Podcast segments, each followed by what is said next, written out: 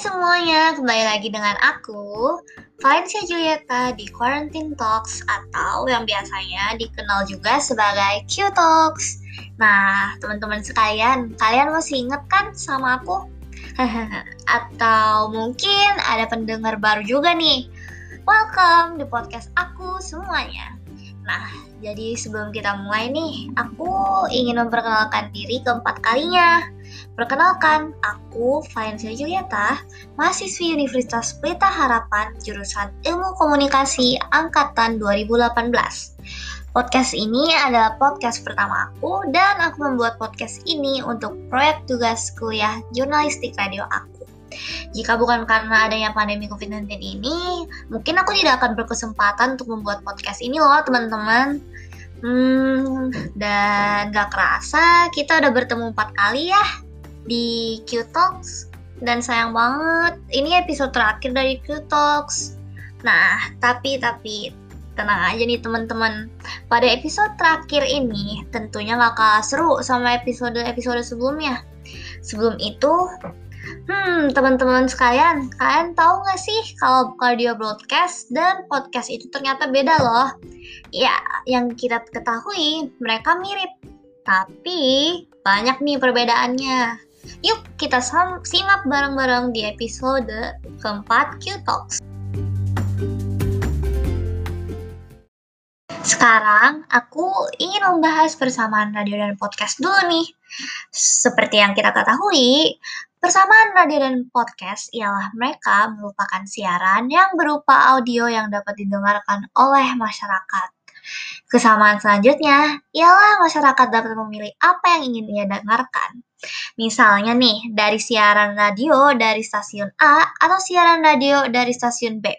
Begitulah juga dengan podcast. Kita bebas memilih apa yang ingin kita dengarkan melalui platform-platform seperti Anchor, Spotify, dan sebagainya, tergantung topik yang diminati. Nah, sekarang aku akan membahas mengenai perbedaan antara radio dengan podcast. Nah, yang pertama nih, Tentunya konsep siaran antara radio dan podcast itu berbeda. Nah, radio ini biasanya disiarkan secara langsung tergantung sama jadwal yang telah direncanakan. Nah, dan siaran radio juga dibatasi oleh batas geografis wilayah dan tidak bisa diputar oleh seluruh bagian wilayah nih. Dan inilah yang membuat podcast menjadi istimewa Siaran pada podcast ini bisa didengarkan kapan saja. Dan podcast juga bisa diunduh oleh pendengar sehingga pendengar bisa memutar siaran ulang tanpa adanya kendala. Nah, terus selanjutnya, topik pembahasan antara radio dan podcast juga berbeda nih. Hmm, saat mendengarkan radio, kita cenderung mendengarkan satu stasiun radio favorit kita aja. Dan di radio kita bisa mendengarkan musik, diskusi politik, kesehatan, pendidikan, berbagai ulasan, bahkan kuliner dalam sehari saja.